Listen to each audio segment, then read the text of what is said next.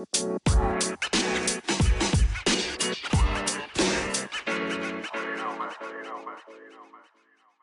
lieve mensen, welkom bij de Back to Blue podcast.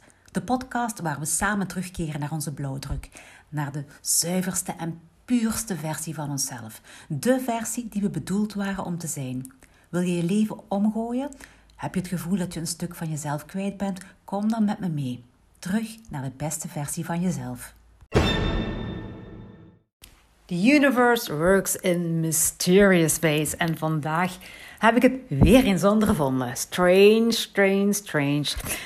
Ik heb er ook weer een les uit geleerd. Nu, gisteren vroeg ik in mijn podcast om een tips te geven om mijn kinderen de wet van de aantrekking beter uit te leggen. Dat was podcast 15. Nu vandaag, tijdens mijn wandeling, ik doe elke dag een wandeling.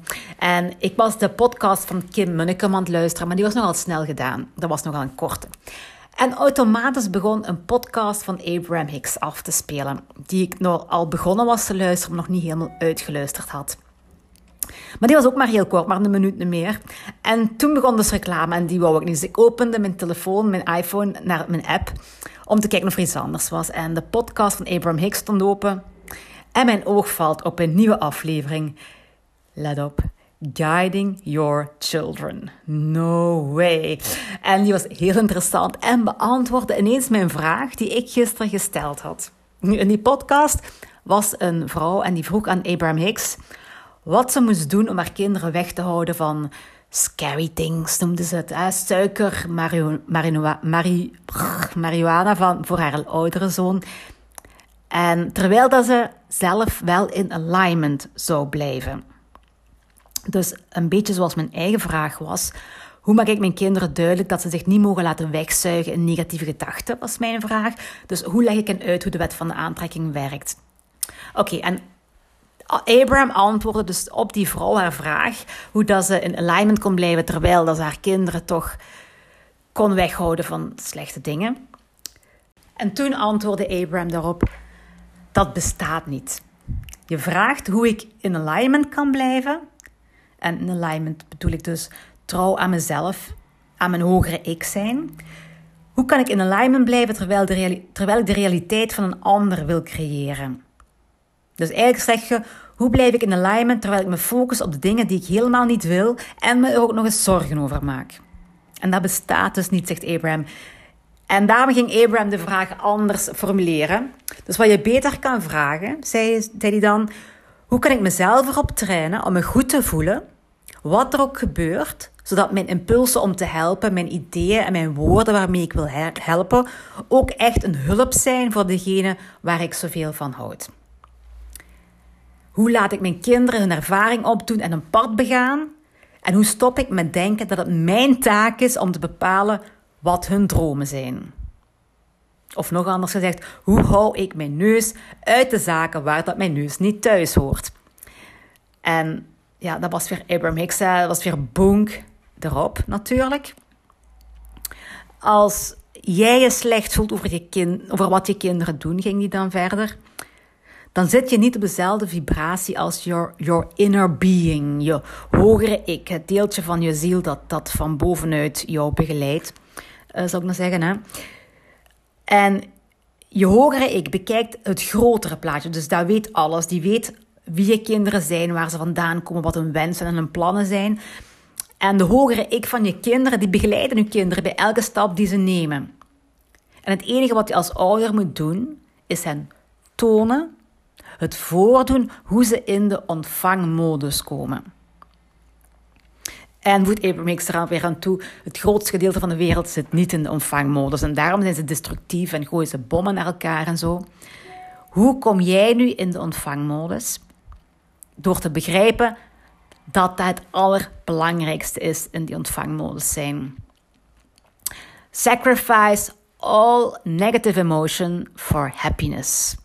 Het is moeilijk om al die negativiteit op te offeren om je gelukkig te voelen. Uh, het is moeilijk om je zorgen en je defensief gedrag en de strijd op te geven. Maar je moet wel, omdat je anders niets hebt om aan je kinderen te tonen. Dus jij moet je kinderen alleen maar tonen hoe dat je in die hoge vibratie blijft. En woorden leren je kinderen niets. Alleen de duidelijkheid van jouw voorbeeld leert het hen. kinderen doen na wat de ouders doen. En als zij nu zien, stel je voor, uw kind ziet, oh, mama focust zich op zich goed voelen. En ik zie keer op keer dat, uh, dat er goede dingen gebeuren met mama. En ik probeer dat met elkaar te associëren en ik zie hoe dat mama positief in het leven staat en ik zie ook hoe het goed uitdraait en ik zie dat ze een goede bui heeft en ik zie dat het goed uitdraait en ik zie dat ze positief in het leven staat en ik zie dat het goed uitdraait en ik zie haar positief zijn en ik ben daarmee getuige van hoe dat die vibrationele zekerheid zich blijft ontvouwen. Dat gaat uw kind dan zien. En als je dat niet doet, gaat uw kind eerder zeggen: Ik zie mama in een slechte bui. En mama doet al die dingen die ze wil doen, maar ze maakt zich zorgen. En mama leven is niet zoals ze wil dat het is, dus ik wil dat leven niet. Dus ik ga alles anders doen dan mijn mama doet en ik ga doen wat zij niet doet. Dus ik ga dus die veel suiker eten, ik ga die marihuana roken. Want mama doet dingen, maar ze is niet gelukkig, dus ga ik die vooral niet doen en ga ik andere dingen doen. Dus de kinderen zijn slim en zij komen jou, jou iets leren. Ze zijn hier op aarde om jou een spiegel voor te houden. En uh, je kan het gedrag van anderen niet controleren. Hoe hard dat je het ook probeert, hè, dat kan je niet. Dan zijn je zaken gewoon niet. Het zijn niet jouw zaken. Zelfs niet als het jouw kinderen zijn. Je kinderen zijn ook hier op aarde met hun missie. En jij bent op de aarde met jouw missie. En wij vinden, dat zegt Abraham Hicks nog altijd, hè, wij vinden dat je een fantastische moeder bent en dat je zelfs meer met je kinderen bezig bent dan je zou moeten, dat jouw taak eigenlijk is. En jij kan voelen wanneer je goed doet voor die kinderen.